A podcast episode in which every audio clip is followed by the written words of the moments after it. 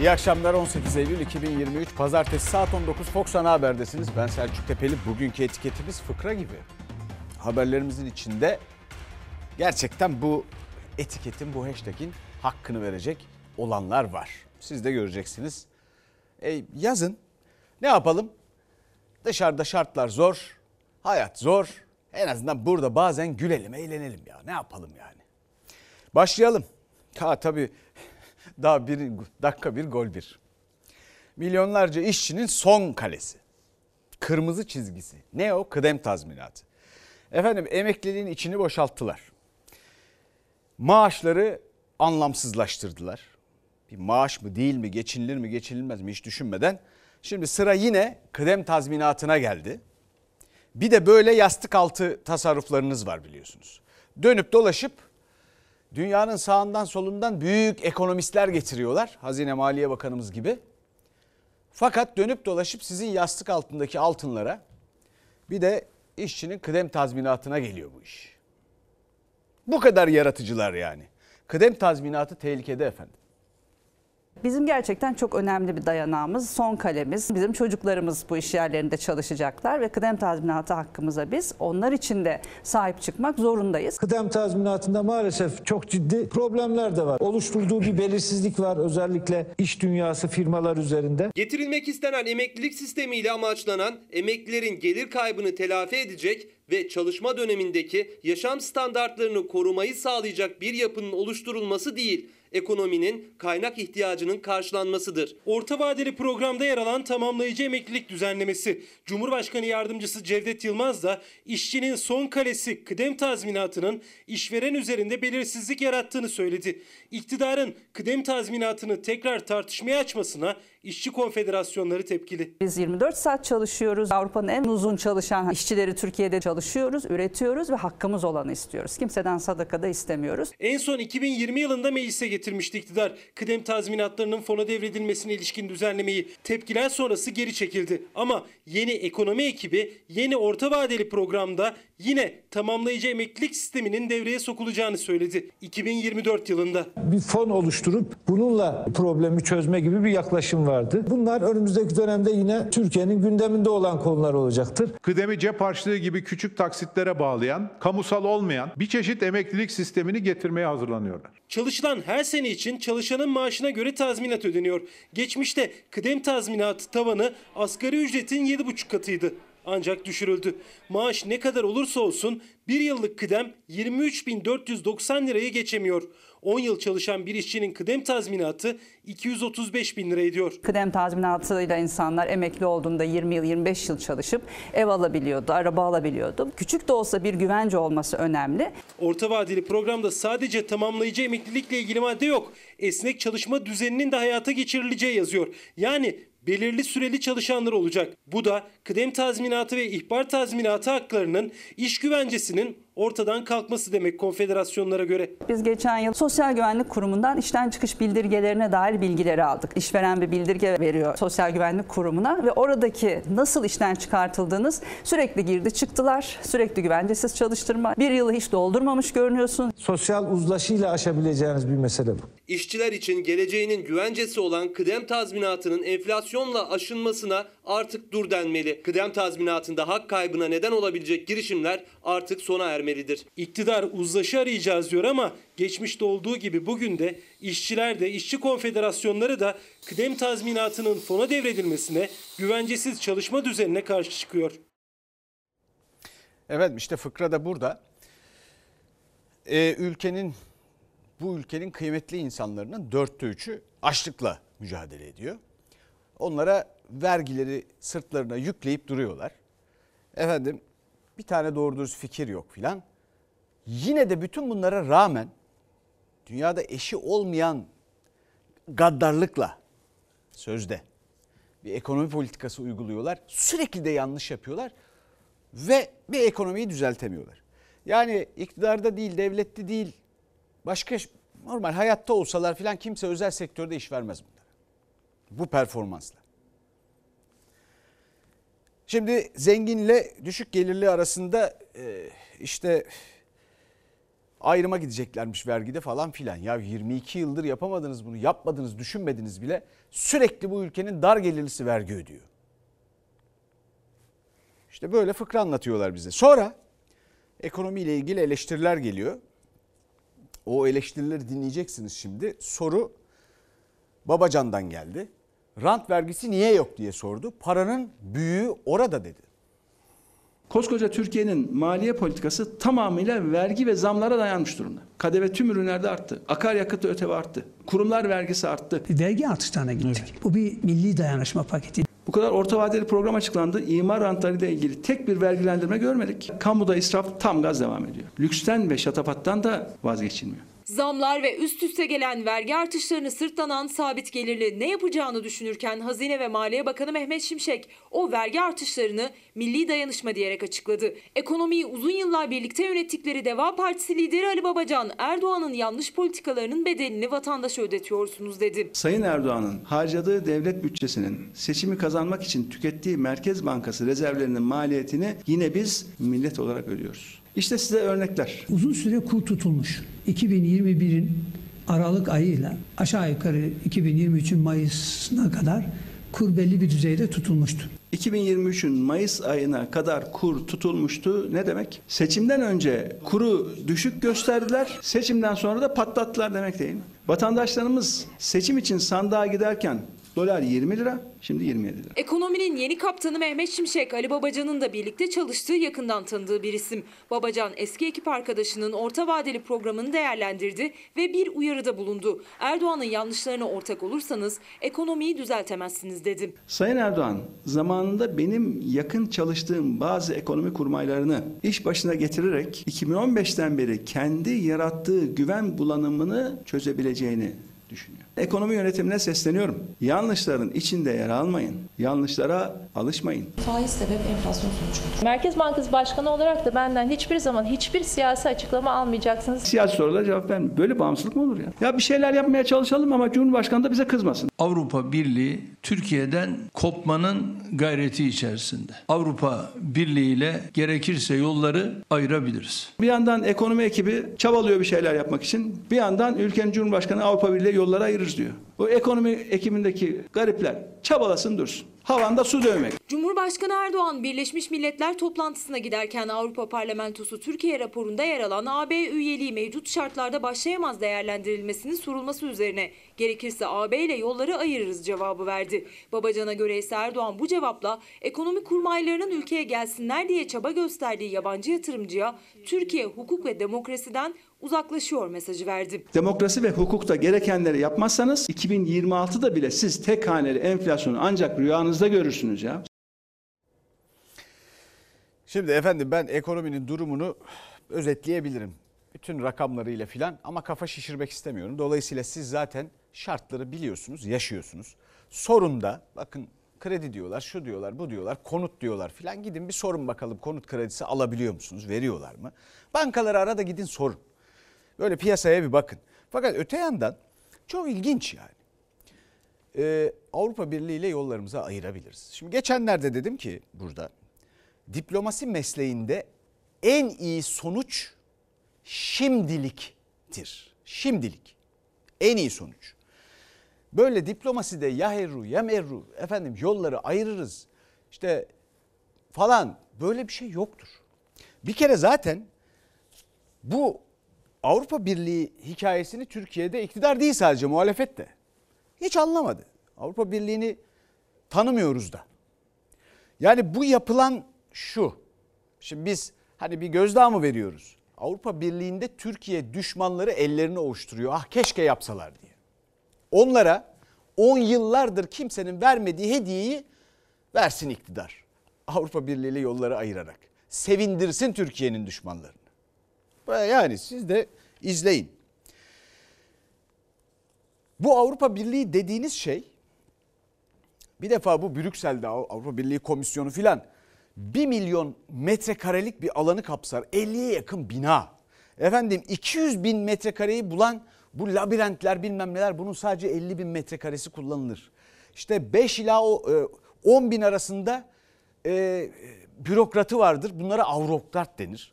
Bunlar epeyce de kalın kafalıdır. Onu da söyleyeyim. 30 yıldır dahili telefonu hiç değişmeyen insanlar çalışır yani. Dolayısıyla süreçler öyle bizim buradan bildiğimiz gibi yürümez. Bir kere böyle bir şey yaptığınızda ve yolları ayırdığınızda 10 yıllardır. Ya bir yüzyıla yakın zamandır. Uğraşılan şeyi düşmanları sevindirerek bir daha geri dönüşü çok zor olacak şekilde yakıveririz. Efendim şimdi devam edeceğiz buradan bilgiler vermeye. Ee, şimdi muhalefete geçelim. Muhalefetten fıkralar. Kongre süreci gergin başladı CHP'de. çok özel bir gereklilik ortaya çıkmadıkça Merkez Yönetim Kurulu toplantılarında grubumuz grup başkan vekillerimiz tarafından temsil edilecek. Sayın Özel'in kendi tercihidir. Genel başkanlığa adaylığını açıklayan CHP Grup Başkanı Özgür Özel'in MYK toplantılarına katılmayacağım açıklaması. Parti sözcüsü Öztürk'ün kendi tercihi yanıtı. İki isim Karaman İl Kongresi'nde Özgür Özel'in CHP'de figür sayısı az, MYK üyeleri görünür olmalı, CHP'de siyaset odakları aşındı, törpülendi sözleri sonrası karşı karşıya gelmişti. Merkez Yönetim Kurulu'ndaki tüm arkadaşlarımız büyük kitleleri peşlerinden sürükleyebilecek kabiliyetlere sahip olan arkadaşlarımızdan oluşmuştur. Ben kendisine cümlenin başında sakın bunu genç MYK üyelerimiz için söylediğimi düşünmeyin diye cümleye başlamıştım. Bu ilk cümleyi atlamış olacak. Sayın Öztürk oradaki yanlış anlaşılmasının sorulursa düzeltir. Söylenmesi gerekenler Karaman Kongresi'nde söylendi. Özel'in sözün mevcut MYK üyelerine değildi açıklaması üzerine Öztürk yeni bir cümle kurmadı. Bizim kongrelerimizde de bazen istenmeyen manzaralarla karşılaşılabiliyor. Genel Başkanımızın talimatıyla inceleme sonuçlarına göre de hareket edeceğiz. Tartışmalı durumun blok liste, çarşaf liste tartışmalarından kaynaklandığını ve hiçbirimizin hoşuna gitmeyen görüntüler olduğunu ifade etmeliyim. Biz temel yaklaşım olarak çarşaf listeyi savunuyoruz. Delegenin iradesinin doğrudan yansıtmanın çarşaf listeyle olmasını düşünüyoruz. Kongrede örgüt kararını vermiş bu konuda benim söyleyeceğim bir şey yok. Genel Başkan adayı CHP Grup Başkanı Özgür Özel demokratik seçim için çarşaf liste olmalı derken CHP sözcüsü örgüt öyle karar vermiş dedi. Liste tartışmasına girmedi ama çıkan olayların araştırıldığını söyledi. İzmir Kongresi'nde Özgür Özel'in konuşmasının sloganlarla engellenmesi de incelenecek. Gençler kim dediyse bunu yapın diye yapmayın. Benim konuşmama engel olamazsınız. Beni Süleyman Soylu susturamadı. Bu talimatı veren de susturamaz. Bütün gücüyle benim sesimi bastırmak için bağıranların hiçbirisi gençlik kolları üyesi değildi. Kimler olduğu ortaya çıkacak. Arkasında kimlerin olduğu da ortaya çıkabilir. Sayın Özgür Özel benim çok değer verdiğim parti yöneticimiz. Sayın Özgür Özel'e ve arkadaşlarına enişten başarı dileklerimi sunuyorum. Adaylık açıklamasından sonra milletvekilleriyle birlikte tura çıktı Özel. SHP eski Genel Başkanı Murat Karayalçın'ı ziyaret etti. Kurultay süreci ve yaklaşan yerel seçimlere gidilirken görüş ve önerilerini aldık dedi. CHP eski genel başkanlarına da gidecek Özel. Şimdi gelelim KPSS skandalına. Şimdi burada milyonlarca mağdur var. Geçen yıllarda. Ve bir itirafla bu mağdurların mağduriyeti teyit edildi. Peki KPSS skandalı bu itirafla mı kalacak? Evet arkadaşlar soru kitapçıklarını Biz ise şöyle bir mekanizma geliştirmek istiyoruz. KPSS skoru onun yüzdelik dilimini alacağız. Yüzde elli. Yüzde elli de mülakat performansını alacağız. Benim puanım 85.25'ti.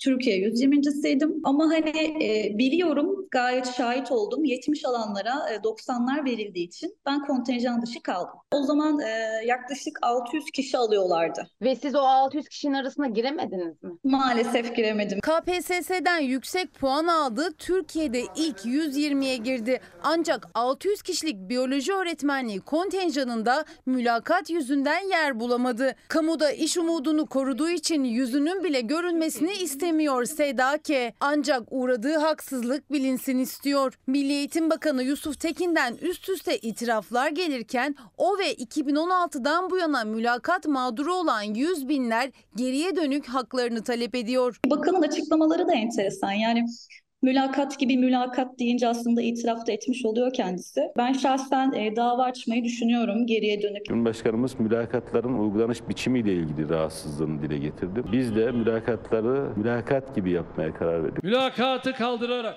gençlerimizin sınavlardaki başarı sıralamasına göre yapacağız. Aslında seçimden önce Cumhurbaşkanı Erdoğan kamuda mülakatın tamamen kaldırılacağını söylemişti. Öyle olmadı. Bakanın ilk itirafı daha önce mülakatların mülakat gibi yapılmadığı yönündeydi. Sonrasında da gençlerin KPSS'ye yıllardır boşuna girdikleri ortaya çıktı. Milli Eğitim Bakanı artık %100 mülakat skoruyla değil %50 KPSS, %50 mülakat başarısıyla atama yapacağız dedi. Devamında kurduğu cümleler geçmiş yıllara yönelik soru işaretlerini artırdı. Bu sistemde üzerinde en çok durduğumuz şey kul hakkı yemeden, herhangi bir ideolojik kayırmaya müsaade etmeden bunu yapabilmek. İdeolojik kayırma bu Asla. sınav sisteminde söz konusu Asla olmayacak. olmayacak. Biz niyetimizi açıkça deklar ediyoruz. Aynı dershaneye gittiğim bir arkadaşım vardı. 70 puan almıştı ki bizde biyolojide 70 puan hiçbir şeydir. Beni aradı ve dedi ki ya dedi ayarlayamadın mı kimseyi? Ve kendisi o yıl atandı 90 küsür puanla şu an müdür yardımcısı. Benim olmam gereken yerde kendisi var. Yıllarca emek verip KPSS'den iyi puan alan ama mülakata takılan gençler geriye dönük inceleme yapılmasını, tüm bu sürecin itiraflarla sınırlı kalmamasını istiyor. Bunları hak ettiğimi asla düşünmüyorum. Hak etmeyenler girdi ve asla hakkımı helal etmiyorum hiçbirine. Görüyorsunuz mağduriyetleri. Bu yıl KPSS'ye yaklaşık 1,5 milyon insanımız başvurdu. Geçen yılları da bir düşünün. Bir 10 yıllık zamanı düşünün. Onun evvelinde bir 10 yıllık zaman var. Orada da başka şekilde zaten buralarda adalet yoktu. Bunlar soruşturmalara konu oldu. Bu FETÖ belası döneminde olanlar. Şimdi bunlarla ilgili bir soruşturma falan bir tane benim bildiğim başvuru var. O da 7 yıldır mahkemelerde oyalanıp duruyor. Başka bir mağduriyete geçelim. Şimdi de bir diziye başlıyoruz. Fox Haber Merkezi hazırladı. TOKİ mağdurları anlatıyor. Elif var mıydı siz buraya Yok, hak kazandığınızda? yok- yoktu. Kaç yaşında Elif? Elif şu anda 2 yaşında. Siz buraya ne zaman hak kazandınız? 2019'da. Ne zaman bir tek bilmiyoruz. Bir şey diyen yok. Ekim'den bu yana değişen hiçbir şey yok. Gördüğünüz gibi sadece bekçiler var.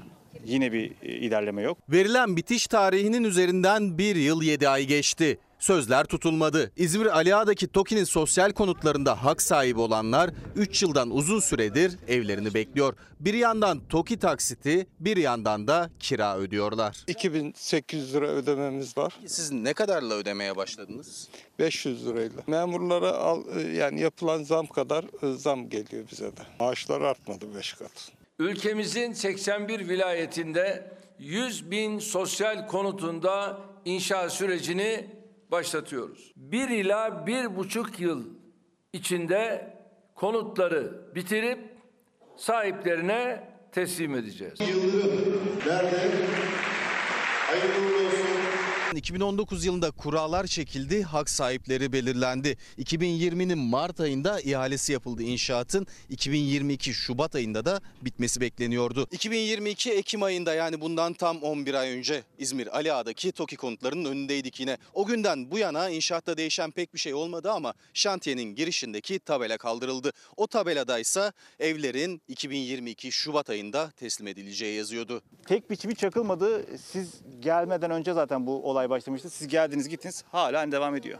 Ne zaman teslim edilecekti normalde? 2022 Şubat. Fox Haber'in Ekim 2022'de inşaatı görüntülediği o tarihten bu yana tek değişiklik tabelanın kalkması ve taksitlerin yükselmesi oldu. 500 liraydı 2800 liraya çıktı. 3 artı 1'ler için durum böyle. 2 artı 1'lerin hak sahipleri ise henüz ödemeye başlamadı. Ne kadar ödeyecekler o bile belli değil. Endişeyle duran inşaatı izliyorlar. Bakın burada 231 bin 960 TL yazıyor. Evin toplam değeri. bedeli. Evet. Aylık ödeme 1113.4 yazıyor. O günün parasıyla 170 bin liraya vardı 2 artı bir ev.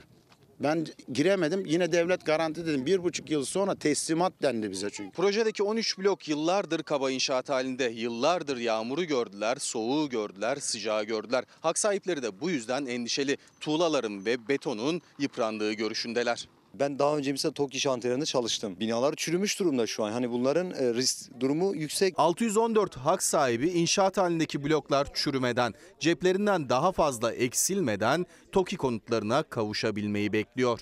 Belediye, kaymakamlık, bakanlık Herkes 3 maymun oynuyor. Artık devlet büyükleri kendileriyle ilgilenmekten halkı görmüyorlar. Şimdi de bir diziye başlıyoruz. Fox Haber Merkezi hazırladı. TOKİ mağdurları anlatıyor. Elif var mıydı siz buraya Yok, hak kazandığınızda? yok- yoktu. Kaç yaşında Elif?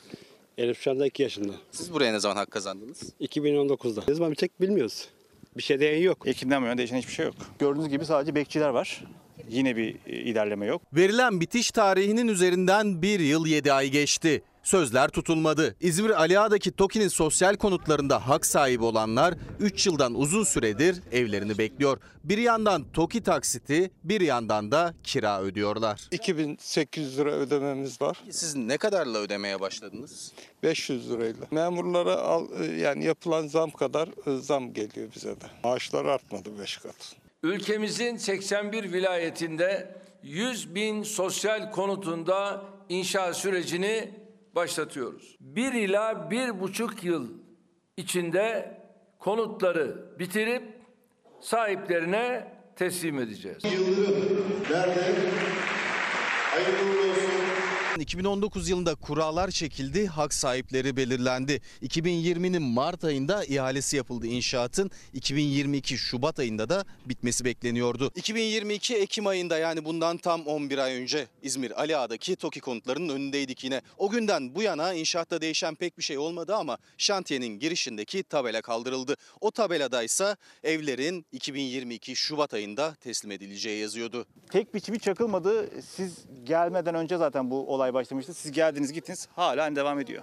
Ne zaman teslim edilecekti normalde? 2022 Şubat. Fox Haber'in Ekim 2022'de inşaatı görüntülediği o tarihten bu yana tek değişiklik tabelanın kalkması ve taksitlerin yükselmesi oldu. 500 liraydı 2800 liraya çıktı. 3 artı 1'ler için durum böyle. 2 artı 1'lerin hak sahipleri ise henüz ödemeye başlamadı. Ne kadar ödeyecekler o bile belli değil. Endişeyle duran inşaatı izliyorlar. Bakın burada 231 bin 960 TL yazıyor. Evin toplam değeri. bedeli. Evet. Aylık ödeme 1113.4 yazıyor. O günün parasıyla 170 bin liraya vardı 2 artı bir ev. Ben giremedim yine devlet garanti dedim. Bir buçuk yıl sonra teslimat dendi bize çünkü. Projedeki 13 blok yıllardır kaba inşaat halinde. Yıllardır yağmuru gördüler, soğuğu gördüler, sıcağı gördüler. Hak sahipleri de bu yüzden endişeli. Tuğlaların ve betonun yıprandığı görüşündeler. Ben daha önce mesela TOKİ şantiyelerinde çalıştım. Binalar çürümüş durumda şu an. Hani bunların e, risk durumu yüksek. 614 hak sahibi inşaat halindeki bloklar çürümeden, ceplerinden daha fazla eksilmeden TOKİ konutlarına kavuşabilmeyi bekliyor. Belediye, kaymakamlık, bakanlık herkes 3 maymun oynuyor. Artık devlet büyükleri kendileriyle ilgilenmekten halkı görmüyorlar. Mağduriyetleri görüyorsunuz. Bakın bu Avrupa Birliği hikayesi şöyle bir şey. Ya bir sürü handikap var, sizin kafanızda kuşkular var. Bunlar yanlıştır, şudur, budur demiyorum. Fakat hep başka taraftan bakılıyor. Avrupa Birliği denen şey bir proje ve çok da sofistike bir proje yani karmaşık da bir proje. Kendileri de tam olarak çözemiyor filan. Ama şöyle bir şey. Yönetenlerin değil, insanların, ülkelerin insanlarının, vatandaşlarının itibarının önemli olduğu bir proje. Ya da olması gereken bir proje. Biz buna yaklaştığımız ölçüde vatandaşın mağduriyetini çözebildiğimiz ölçüde yani yönetenlerin, siyasilerin itibarı değil, vatandaşın itibarını öne koyduğumuz sürece oraya yaklaşırız. Ben sonra isteriz istemeyiz o ayrı mesele. Ama yolu budur. Tek yapılmayan şey de budur. Biz itibarı çok yanlış anladık. Efendim bir başka mağduriyet. Eğitimde de mağduriyetler var. Özel okullara para yetişmiyor. Bizimki özelde okuyordu. Sonra devlete aldık. İkinci sınıfa kadar özelde okudu. Çok yüksek rakamlar yani 150, 200 uçuyor havalarda. Milletin hani o kadar büyük gelirleri yok. Geliri özel okul fiyatları kadar artmadı Bilal Polat'ın. iki yıl boyunca özel okulda okuyan oğlunu devlet okuluna yazdırdı. Yüksek maliyetler özel okul fiyatlarını arttırdı. Sınıfların yarısı boş kaldı. Türkiye genelinde özel okulların doluluk oranı %45-50. Özel okullardaki sınıfların yarısı kilitli ve boş. Öğrenci yok. Benim kızım özel okula vermişti. Aldı devlet okulunda. Daha memnunum şimdi. Çünkü maddi manevi aşırı derecede yük insanlara. O yüzden yapabilecek bir şey yok. İğneden ipliğe gelen zamlar okul çağında çocukları olan aileleri de etkiliyor. Öyle ki birçok aile çocuklarını özel okuldan alıp devlet okuluna vermek zorunda kalırken özel okullarda girdikleri maddi çıkmaz yüzünden kapanma tehlikesiyle karşı karşıya. Artan maliyetler nedeniyle Türkiye'de geçen yıl 2000 özel okul kapandı. Bu yılda en az 3000 okulun kapanacağını tahmin ediyoruz. Kapansın devlet okullarını çoğalsınlar. Öğretmenler atasınlar. İnsanların ödeme kapasitesi imkansız yani artık onları kaldırması. Çoğu velinin zaten ilk tercihi devlet okulu ama kalabalık olmayan sınıflar, sosyal aktiviteler ve daha iyi yabancı dil eğitimi için şartlarını zorluyorlardı. Bir dönem devlet teşvik de vermişti ama sonra velilere destek kaldırıldı. Üstüne maliyetler de katlanınca veliler özel okula para yetiştiremez oldu. Baba Bilal Polat gibi velilerin çoğu çocuğunu özel okuldan almak zorunda kaldı. Bir tek İngilizce problemimiz var. Devlet okullarının genel problemi tabii bu. Şimdi ana sınıfına gidiyor ama önümüzdeki yıl devlete düşünüyoruz. Torununuz mu? Torunum. Ne kadar istiyorlar efendim?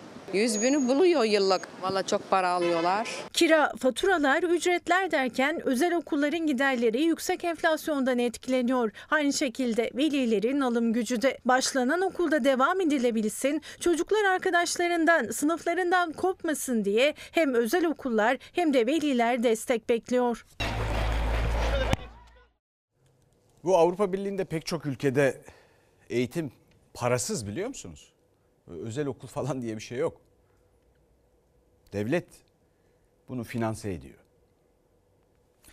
Bir kıymetli izleyicimiz diyor ki öğretmen atamasında mülakata hayır diyoruz. Seçim vaadiydi sözlerini tutmalarını bekliyoruz. Sözleşmeli öğretmenler olarak kadroya geçirildik ama kadro haklarımız verilmedi. 3 Ocak'ta söz vermişti Cumhurbaşkanı diyor bir izleyicimiz. Geleceğimizi liyakat belirlesin mülakat diyor değil diyor bir başka izleyicimiz. Ve biz de şimdi fast food'dan devam ediyoruz. Fast food lüks oldu.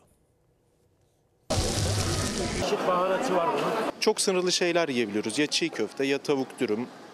Et dürüm en son ne zaman yedim hatırlamıyorum gerçekten. En ucuz yerlerde en ucuz menüleri yemeye çalışıyoruz. Fast food da artık gençler için lüks oldu. Hamburger menüleri 200 lira civarında. Parça tavuklar da öyle. 4 kişilik bir aile hamburger yemek istese 750 lirayı geçiyor. En çok da uygun fiyatlı diye gençler ilgi gösteriyordu fast food'a. Et dürümü unuttular, tavuk dürümle karınlarını doyuruyorlar. Sağlıklısını değil, ucuzunu arıyorlar. Bu 65 gram 55 lira. Öğrenciler için doyurucu olmasa da maalesef geçiştiriyorlar. Geçen yıl biz bu 60 gramı veriyorduk örneğin 20 liraya. Öğrenciler her gün ucuz yemek arayışında eskiden uygun fiyatlı diye tercih edilen tavuk dönerin fiyatı bile öğrenci bütçesini zorluyor artık.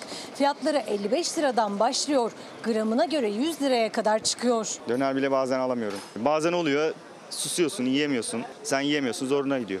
Eğitimini ara verip çalışmak zorunda kalan bir genç Kerem Yıldız. Henüz 19 yaşında hamburgercide çalışıyor. Aldığı asgari ücretle kendi çalıştığı restorandan ancak ayda bir hamburger yiyebiliyor. Yiyemiyorsun. Çünkü her şey pahalı. Bir tane şey alsan zaten param bitiyor.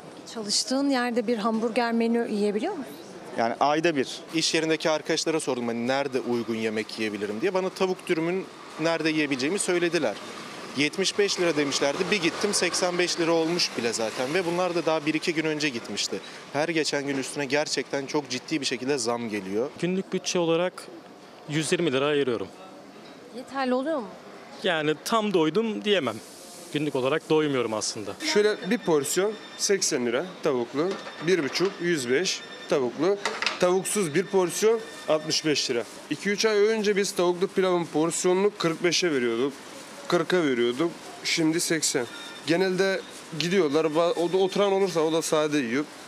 Gidiyor içecek bir şey içmeden yanında. En uygun fiyatlı sokak lezzetlerinden biriydi tavuk pilav. Öğrencilerin de en çok tercih ettiği yiyeceklerden de. Ancak onun da fiyatı zamlandı. Bir öğrenci dışarıda bir tavuk pilav yanına bir de içecek almak isterse en az 100 lira bütçe ayırması gerekiyor. En uygun çiğ köfte 35 lira bir dürüm.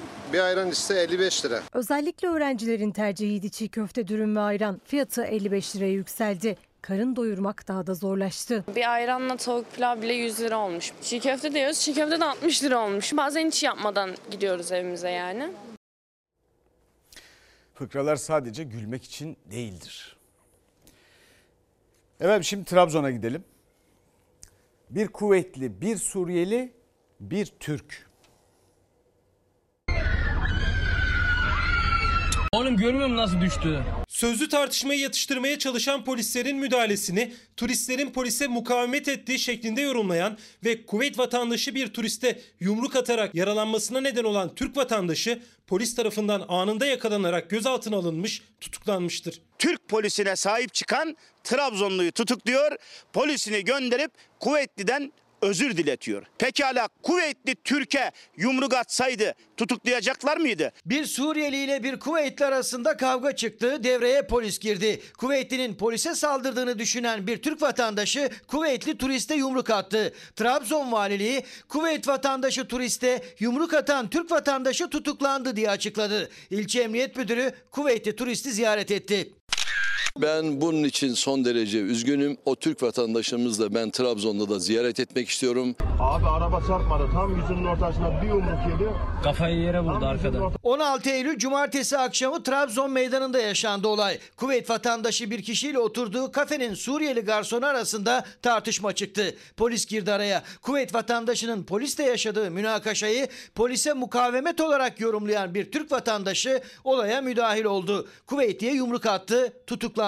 Trabzon valiliği Kuveyt vatandaşı turiste geçmiş olsun dileklerini iletti. Olayın yaşandığı Ortahisar İlçe Emniyet Müdürü Ahmet Elvan başına birkaç dikiş atılan Kuveytli turisti otelde ziyaret etti, çiçek bile verdi. Trabzon'da bir Kuveytli bir Suriyelinin lokantasında yemek yiyor. Hesap konusunda anlaşmazlık çıkıyor. Suriyeli polis çağırıyor. Kuveytli polise de direniyor. Bir Trabzonlu vatandaş polise mukavemet eden Kuveytliye yumruk atıyor. Eğer bu yumrukladığı kişi Türk olsa karakoldan serbest bırakılır. Yabancı düşmanı Arap düşmanı gibi gösterilecek. Bunu yemezler. O tutuklanan vatandaşımızı bir an önce serbest bırakın. Kendi ülkemizde yabancılaştık, kendi ülkemizde ötekileştirildik. Suriyeliler, kuvvetler ve dışarıdan gelen Afganlılar kendini bu ülkenin sahibi zannediyor. Görüntüleri sosyal medya üzerinden hızla yayılan olay Türkiye'de olduğu kadar Körfez'de de yankılandı. Kuvvetli bir yazar sosyal medya üzerinden Türklere Atatürk'e hakaretler yağdırdı. Hatta Türkiye Cumhuriyeti pasaportunu da paylaşarak dünyanın en ucuz pasaportu diyerek Herhangi bir Arap'ın bunu almasına ve Türkiye'nin Cumhurbaşkanlığına aday olmasına, Mustafa Kemal'in heykellerini yıkmasına ve bir resmini yakmasına destek olmayı düşünüyorum. 400 bin dolar verip pasaport alıyoruz. Sizin itibarınız 400 bin dolar diyor. Dünya lideriyim diyen Erdoğan. Bu mu Türkiye Cumhuriyeti'nin itibarı? Körfez'den kaynak arayışları nedeniyle Cumhuriyetimizin kurucusu Mustafa Kemal Atatürk'e hakarete sessiz kalınmasını kabul edemeyiz. Bugün avukatlarımız aracılığıyla bu örnekteki provokatör şahsın ivedilikle vatandaşlık durumunun tespit edilmesi, Türkiye ile her türlü faaliyetinin ve ilişkisinin belirlenmesi için Ankara Cumhuriyet Başsavcılığına suç duyurusunda bulundum. Muhalefet Türk vatandaşının tutuklanması kadar Türklere Atatürk'e hakaret eden kuvvetli yazara ilişkin iktidarın sessizliğine de tepkili. Efendim eskiden biliyorsunuz fıkralar bir Fransız, bir İngiliz, bir Alman, bir Türk diye filan olurdu. Şimdi bir kuvvetli, bir Suriyeli, bir Türk diye. Kaç senedir söylüyorum. Yapmaya çalıştıkları şey emeği de ucuzlatarak filan bu ülkeyi bir Orta Doğu ülkesine dönüştürmek. Ancak öyle yönetebiliyorlar çünkü. Daha fazlasına hayal gücü yetmiyor. Öyle bir mesele var. Ve bu arada bu tabii bizim algımızı da değiştiriyor. Eskiden bütün dünya Türk gibi kuvvetli diye bir şey bilirdi. Şimdi Türk gibi kuvvetli oldu bu. Eh bakalım şimdi bir karakolda bir cinayet vardı Esenyurt'ta İstanbul'da. Karakoldaki cinayete ceza yok. İşte bu görüntülerin ardından hayatını kaybetti 42 yaşındaki Birol Yıldırım. Karakolda işkence gördüğü iddiasıyla açılan dava sonuçlandı. Yargılanan 12 polisten 6'sı beraat etti. 6 polisin her biri ise bilinçli taksirle ölüme sebebiyet verme suçundan 3 yıl 9 ay hapis cezasına çarptırıldı. Yani çok kısa süre cezaevinde kalıp çıkacaklar. Birinci taksirle adam öldürmekten değil, işkence sonucu adam öldürmekten ceza almalarını talep edeceğiz. 3 yıl 5 yıl yiyecekse İşkence biliyorsunuz bir insanlık suçudur. Ağır bir ceza alacaklardı. Polisler elleri kanlı şekilde çıkıyor ve ellerine buz tutuyorlar. Neden tutuyorsunuz o buzları ve elleriniz neden kanlı?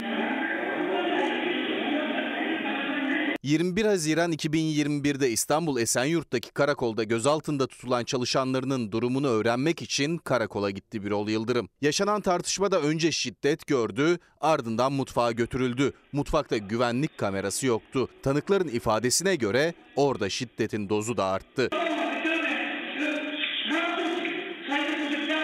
Bu polisler sırayla değişiyordu. Dövmeye devam ettiler. Birol bana doğru düştü. Ardından yere yüzüstü düştü. Nabzını kontrol ettiler. Nabız alamadılar. Bizi odadan çıkarttılar. Polisler telaşa düştüler. Kameraları kontrol etmeye başladılar. Bekleme salonunda öldü dediniz, yalan konuştunuz. Neden mutfaktan çıktı? Adli Tıp Kurumu'nda açık açık raporda şiddet uygulandığı, Birol Yıldırım'ın kafasının arka tarafında, bazı vücutunun bazı yerlerinde iz ve amarelerin olduğu belirtilmiş olmasına rağmen Tanık ifadelerine adli tıp raporuna rağmen sanık polisler bilinçli taksirle ölüme sebebiyet verme suçuyla tutuksuz yargılandı. Karar duruşmasında da mahkemenin görüşü değişmedi. 12 polisten 6'sı beraat etti. Komiser yardımcısı ve 5 polise ise 3 yıl 9 ay hapis cezası verildi. Üstelik bu sürenin tamamını cezaevinde geçirmeyecekler. Yıldırım ailesi ve avukatları kararı bir üst mahkemeye taşımaya hazırlanıyor.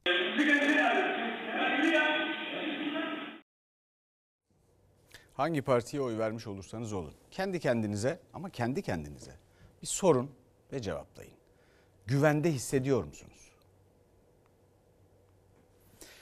Efendim şimdi bir YouTuber şiddeti bir de bunlar çıktı. Cezalar caydırmıyor. Ben seni şu anda tehdit ediyorum ama beni içeri attıramazsın. Ispat edemezsin. En fazla uzaklaştırma alırsın. Aldığın uzaklaştırmada hiçbir işe yaramaz. Bütün kadın cinayetlerinde herkes uzaklaştırma almış oluyor zaten. Bunları bana o söylüyor. Cezasızlıktan aldığı cesaretle eşini 58 yerinden bıçakladı Yunus Yıldırım. Ünlü YouTuber iç mimar Merve Veziroğlu ölümün kıyısından döndü. Yaşadıklarını sosyal medyadan anlattı. Onu bu hale getirenin ağır ceza almasını istedi. Sanırım çektiğim videolar arasındaki en zor videom bu olacak. Bu ikinci şansım bir merhametsizin bir gaddarın elinde yok olsun istemiyorum. Sosyal medyada on binlerce kişi tarafından takip edilen bir içerik üreticisi Merve Veziroğlu bir buçuk yıl önce Yunus Yıldırım'la evlendi. O evlilik kabusun da başlangıcı oldu. İddiasına göre psikolojik ve fiziksel şiddete maruz kaldı. Boşanmak istediğinde duydukları pek çok kadının karşı karşıya kaldığı tehditlerle aynıydı. Ben seninle maksimum kağıt üzerinde boşanırım. Giderim bir 5 ay kendimi unuttururum. Geri döndüğümde de seni temizlerim. O sokakta dolaştıktan sonra benim ona uzaklaştırma almamın, şikayet etmemin, dava açmamın sadece bana zararı var. Şikayetleri de karşılık bulmadı 32 yaşındaki kadının 5 Ağustos'ta korktuğu gibi oldu. Bıçakla içeriye doğru girdiğinde burada öldüreceğim ve sen bütün kadınlara ibret olacaksın dedi. Aslında ağır cezaların canilere ibret olması gerekiyor ama kadın cinayetlerine ya da şiddete verilen cezalar ortada. Yunus Yıldırım da bu sözlerle saldırdı genç kadına. 58 yerinden bıçakladı. Sonra polise teslim oldu, tutuklandı. Sağlık ekipleri geldiğinde Merve Veziroğlu can vermek üzereydi. Ben ambulansın sesini duyduğumda o kadar mutlu oldum ki. Benim o gün orada hayallerim sönebilirdi. Kadınlar daha fazla korunmalı. Bu tarz cinayet işleyen, cinayete teşebbüs eden bütün insanlar ağır cezalar almalı. Merve Veziroğlu ağır ceza çağrısında bulunurken Kocaeli ve İstanbul'da iki kadın daha evli oldukları erkek tarafından bıçaklanarak öldürüldü. Esenyurt'taki zanlı koşmaya bile gerek duymadan elinde bıçakla uzaklaştı gözden kayboldu. Polis saatler sonra yakaladı o zanlıyı. Tekrar soruyorum. Güvende hissediyor musunuz? Merve Hanım'ın kabusundan şimdi başka bir e, konuya geçeceğiz. Bir korku filmi gibi ama film değil. Gerçek. Psikiyatr kabusu. O uyuşturucu maddenin tedavinin bir parçası olduğunu iddia ediyor. Böyle bir tedavi yöntemi var mı hocam? Tabii ki e, böyle bir tedavi e, ya da tanı metodu yok. Çok vahim bir şekilde bu aslında veterinerlerin çok kullanımında olan bir ilaç. Anestezik olarak da kullanılıyor. Veterinerlerin kullandığı anestezi etkili uyuşturucu ilacını çocuk ve ergen hastalarına damar yoluyla veren psikiyatır işkence ve eziyet suçundan tutuklandı. İfadesinde tedavi dedi ama uzmanlar şiddetle karşı çıkıyor. Türkiye onlarca ailenin hayatını karartan sözde profesörün yaşattığı kabusla sarsıldı. Çocuğun bir gün kolunun acıdığını söyleyince iğne deliklerini fark ettik. Kızımıza sakın ailene söyleme demiş. Bizim zaten çocuklarda hiç yapmadığımız bir uygulama. Yan etkileri nedeniyle de uygun değil zaten. FETÖ bağlantısı nedeniyle İstanbul Üniversitesi Hastanesi'ndeki bölüm başkanlığı ve Adli Tıp Kurumu'ndaki görevinden ihraç edilen Profesör Salih Z bir yıl tutukluluğunun ardından özel klinik açtı. İddiaya göre sadece klinikte değil, Ümraniye ve Erenköy'de iki özele ve çocukları götürüp uyuşturucu ilaçla çocukları ailelerinden cinsel istismar gördüklerine inandırıyordu. Arda arda gelen şikayetler, aynı doktor imzalı raporlar savcıları harekete geçirdi. Şikayetçi ailelerin çocuklarının saçlarından alınan örnekler incelendi, uyuşturucu madde tespit edildi. İlaçları Başakşehir Çamsakura Şehir Hastanesi'nde stajyer bir doktorun temin ettiği öğrenildi. Polis baskınıyla yardımcısıyla birlikte tutuklanan Profesör Doktor Salih Z'nin 180'den fazla çocuğa çoklu kişilik bozukluğu teşhisi koyduğu da ortaya çıktı. Şimdi bu çocuklar ve ailelerinin akıbeti araştırılıyor. Bu tamamen münferit bir e, durumdur. Bizim ilkelerimizin çok dışında bir durumdur. Dernek olarak bu olayın takipçisiyiz. Efendim şimdi gençlerimizin çareyi nerede aradığına bir bakalım. Çareyi borsada arıyorlar. Borsaya girdiniz mi? Evet. Çünkü Türkiye'de yatırım yapmak şart haline geldi artık. Ek gelir elde etmek zorundayız. Maaşların durumu belli zaten. Yetmiyor. Ben 19 yaşındayım. Hem çalışıyorum hem okuyorum. Yetmiyor. Ben de yatırım yapmak istedim. Daha kolay yoldan. Borsa yatırımcıları geneli itibariyle 40 yaş üstüdür. Bu eğilim yeni bir eğilim. Yani genç kuşağın borsaya girdiğini görüyoruz. Yeni yeni girmeye başlayayım. Bir ayda 1 milyonun üzerinde kişi borsaya katıldı. Borsa İstanbul'daki yatırımcı sayısı ilk kez 6 milyonu aştı. Özellikle 30 yaş altındaki genç yatırımcı sayısındaki artış rekor kırdı. Hayat pahalılığına karşı maaşlar yetersiz kalınca gençler çareyi borsada aramaya başladı. Önceden gençlerin durumu böyle yoktu. Ailesi çalışırdı bir kişi.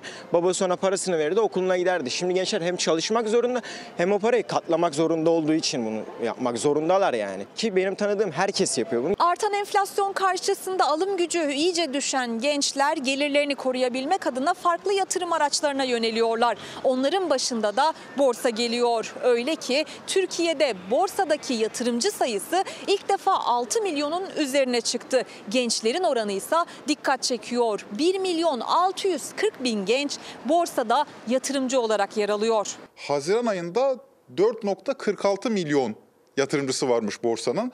Temmuz ayına geliyoruz 5 milyon barajı açılıyor. Ağustos ayında ilk defa 1 milyondan fazla insan sadece bir ayda borsaya giriyor ve borsadaki yatırımcı sayısı 6 milyon 250 bine ulaşıyor. Borsaya akın eden insanların çok büyük çoğunluğu özellikle 30 yaş altı yatırımcılarda görülüyor. Normalde toplam yatırımcı sayısında %40'lık artış varken 30 yaş altı yatırımcı sayısında bunun iki katı kadar bir artış, %80'lik bir artış var. Çok fazla arkadaşım yani girmem konusunda ısrarcı oldu. Neden sizlerin yaş grubu borsaya bu kadar yöneldi? Kolay para, e, çabuk para onlara daha tatlı geliyor. Düşük miktarda parayla girip uzun süre yatırım yapmadan günü kurtarıyor, harçlığını çıkarıyor gençler. Öyle ki halka arzları bile günü gününe takip etmeye başladılar. Her ne kadar risk de olsa yüksek enflasyondan cüzdanlarını korumaya çalışıyorlar. Ekonominin hali onların da birinci gündemi. Neden altına ya da dolara ya da işte TL'de mevduata yöneldi? Dolara atıyorsunuz parayı mesela söyleyeyim ya da altına atıyorsunuz. Evet yükseliyor ama enflasyon oranı aslında aynı kalıyor. Delikanlı güzel söylemiş. Kalpakçı ama bu. Çalışarak olmayınca kalpakçıya yöneliniyor. Emekliler de gençler gibi dertli, onlar da örgütleniyor. Normal SGK girişimde 2000 Haziran ayı. Kaç ayla kaçırdınız? Yıl bile değil. 8,5 ay diyebiliriz. 2002 SSK girişliyim. Askerlik borçlanmasını yaptığım zaman orada bir 7-8 aylık fark kalıyor. Onunla kaçırdık. Olmuyor. emekli olamadık. İki yılla kaçırdınız. İki yılla kaçırdık maalesef.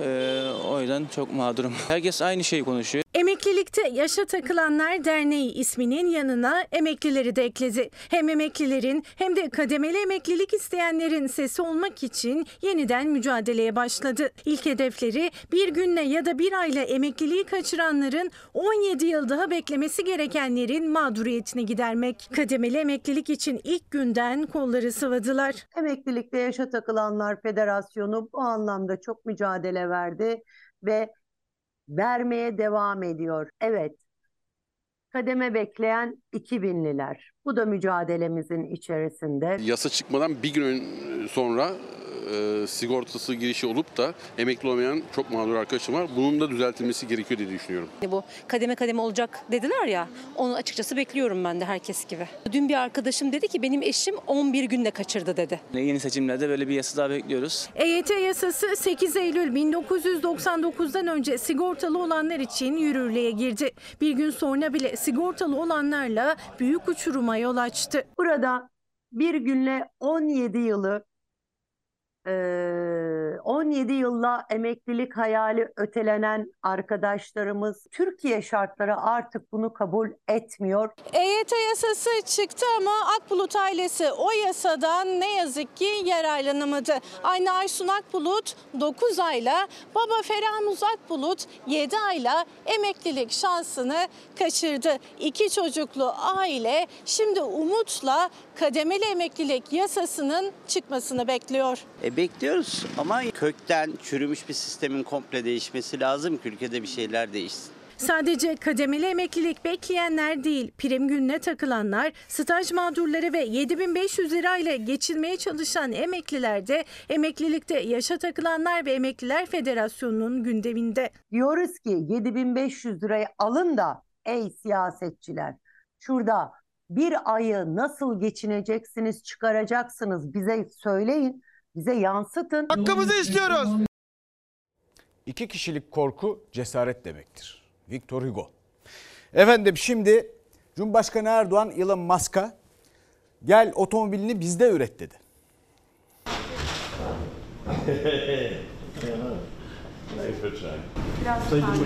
Toplu arasayım mı? Yani öyle mi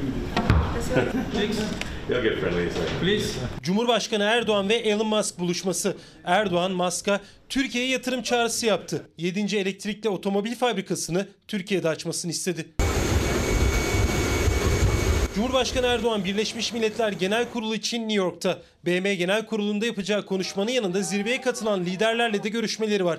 İş insanlarıyla da. O isimlerden birisi de dünyanın en zengin insanları arasında olan Tesla ve SpaceX'in kurucusu Elon Musk. Elon Musk, Cumhurbaşkanı Erdoğan'la görüşmek için New York'taki Türk evine oğluyla geldi.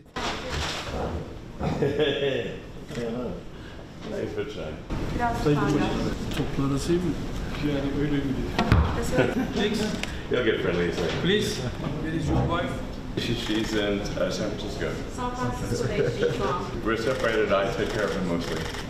Şu an ayrı yaşıyoruz. Onun için oğluma ben bakıyorum. TOG'un Türkiye'de yollara çıkmasıyla birlikte Tesla'nın da Türkiye pazarına girdiğini hatırlatan Cumhurbaşkanı Erdoğan, Tesla'nın 7. fabrikasını Türkiye'de kurması için çağrı yaptı. Tesla'nın 4'ü Amerika, biri Çin, biri Almanya olmak üzere elektrikli otomobil ve batarya üretimi yapan 6 fabrikası bulunuyor. Bu fabrikalarda 5 milyonun üzerinde elektrikli araç üretildi bugüne kadar.